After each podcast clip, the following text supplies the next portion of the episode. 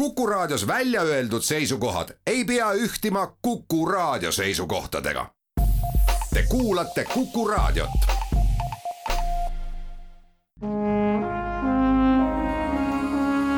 Vanemuise veerand Vanemuise veerand alustab, tere kõigile teile, head kuulajad. täna on külas lavastaja, ooperilavastaja Robert Annus, tere Robert! tere, Tiiu! Mina olen saatejuht Tiiu Rööp. me hakkame rääkima Puccini ooperist Madama Butterfly sel põhjusel, et see ooper on taas laval. Need inimesed, kes ei ole seda näinud Vanemuises, saavad seda vaatama tulla. ooper esietendus, kas see võis olla märts kaks tuhat üheksateist? võis küll. aga nüüd, kahekümne kuuendal veebruaril ja üheteistkümnendal märtsil on soovijatel võimalik seda lavastust näha, Madama Butterfly'd näha ja seda mängitakse Vanemuise teatri väikeses majas kui ooper välja tuli, siis oli peaosas, jaapanlanna osas, jaapanlanna Hiromi Omura, kes nüüd laulab peaosa. sel korral on Vanemuise teater palunud Tartusse tulema Tšotšossani osa laulma Ukraina päritolu soprani Tamara Kalinkina. minu teada ta ei ole Eestis ooperiteatris üles astunud, aga ometi oma kodumaal väga tunnustatud ja, ja olnud pikka aega Kiievi Riikliku Akadeemilise Ooperiteatri esisolist ja kindlasti oleme väga elevil ja ootusärevuses nii peaproovide eel kui ka siis juba etendustel, et teda kuulda. kas on veel muutusi trupis? jah, seekord on äh, kõikides peaosades äh, kandvad välismaised jõud, et lisaks siis äh, Ukraina sopranile on ka Vanemuine palunud Tartusse laulma David Estebani, kes on siis Itaalia-Makedoonia päritolu tenor. Ja tema on tegelikult äh, Eesti ooperit armastavale teatripublikule juba varem ka tuttav, ta nimelt äh, just siin hiljuti on debuteerinud Carlo rolliga Rahvusooperis Estonia, Jeanne d'Arc'i lavastuses Verdi ooperis. Ja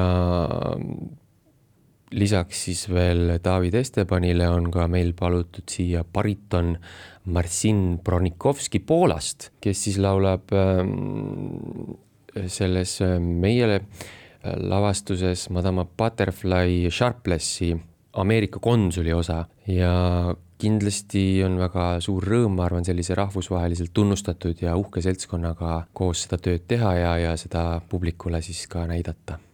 Madama Butterfly kohta on öeldud, et tegemist on mingis mõttes hoiatusooperiga, kuigi ta valmis kahekümnenda sajandi alguses, aga see süžee, et kahest nii erinevast kultuurist inimesed saavad kokku, on koos ja ei saa koos oldud, ütleme nii. kuidas sa nõustud määratlusega hoiatusooper?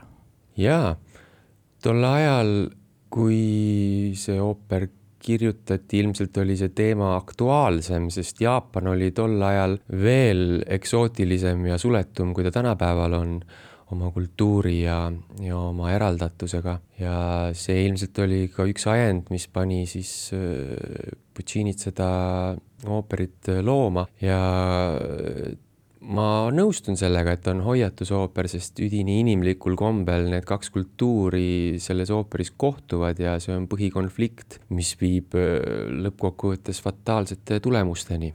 Kui on konflikt, siis kiputakse määratlema, et keegi on süüdlane ja keegi on ohver. kas selle loo juures saab üks-üheselt välja tuua, et keegi on süüdi ja keegi on ohver? ei, ei saa, sest et nagu ikka väga heade kirjandusteoste ja ja, ja niivõrd hea ooperi puhul, nagu seda Madama Butterfly on oma sisult ja vormilt äh,, ei saa kindlat süüdlast leida ja just see panebki seda ooperit armastama ja inimesi seda ikka, ikka vaatama erinevates lavastustes, sest äh, see on justkui paratamatus, kui erinevad kultuurid teineteist ei mõista, nad püüavad seda teha, seal vahel on armastus või inimestevaheline tõmme ja, ja midagi on selles äh, skeemis valesti ja see ei, see ei ole mõeldud õnnestuma.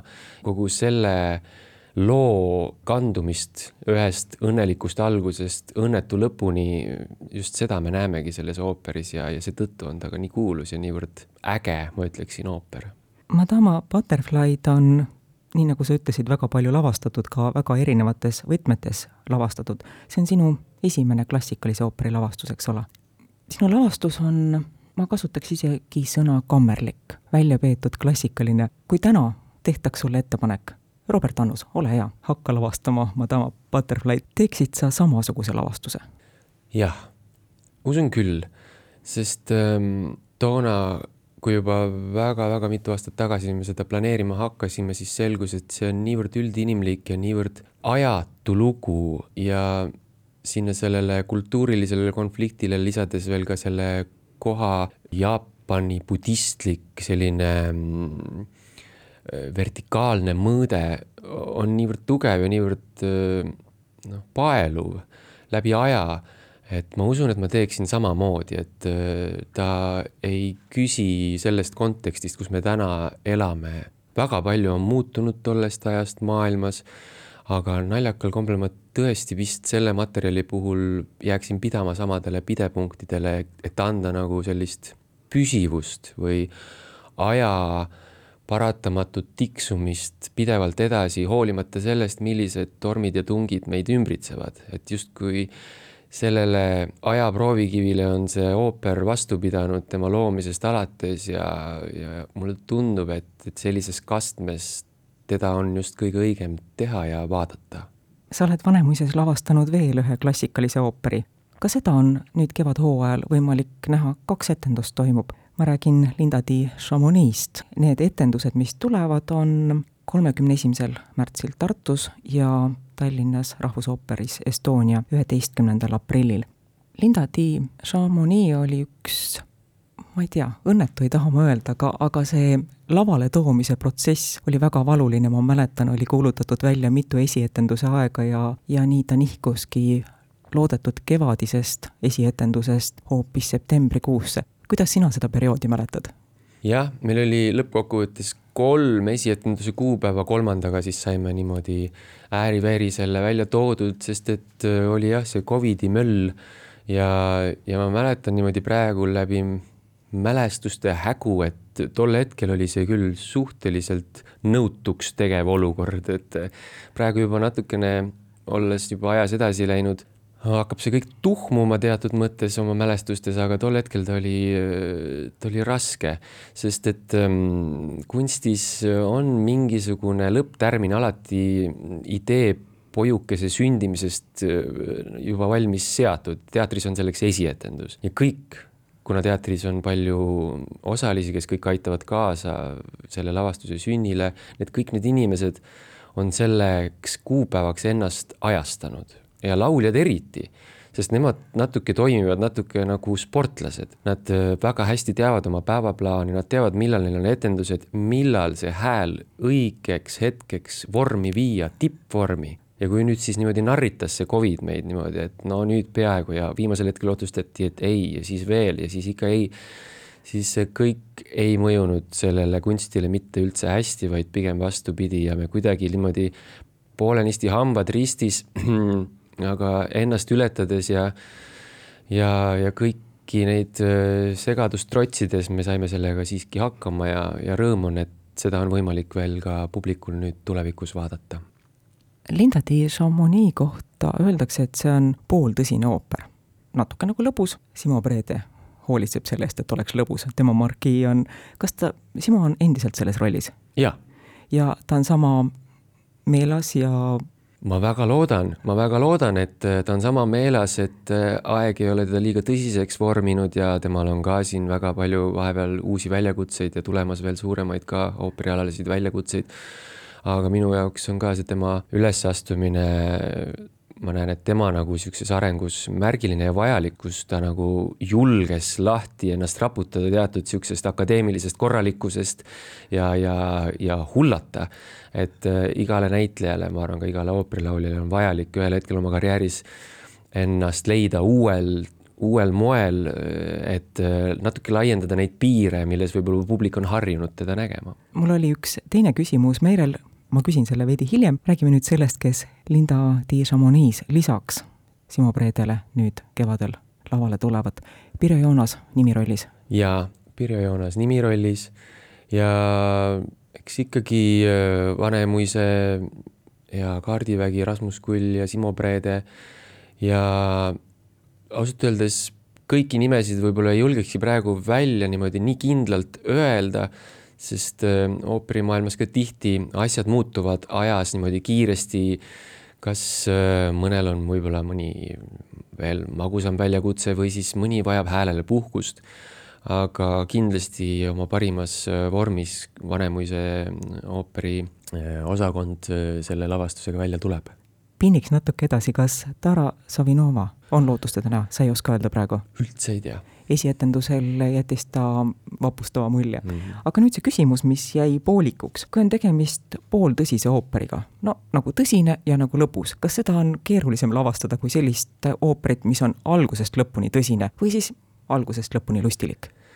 jah, on keerulisem, sest ähm, see žanrimääratlus, mis Donizetti ise on oma ooperile pannud, melodrama, on seotud nii Itaalia võib-olla commedia dell'arte sugemetega, sekka juba tema enda kaasaegsemat dramaatilisemat vormi ja ta on, see oli mingisugune ülemineku žanr, mulle tundub ooperimaailmas, kus veel otsiti veel mingisuguseid piire klassikalises ooperis ja seetõttu, kuna seda ka hiljem väga palju seda žanri edasi ei arendatud, siis äh, mulle tundub, et äh, ta ongi natuke raskem žanr ka lavastajale, sest ähm, minu jaoks oli siis võib-olla noh, nagu üks kõige lihtsamaid asju, et ta on natuke nagu seebikas, et seebikas me peaksime saama naerda ja nutta.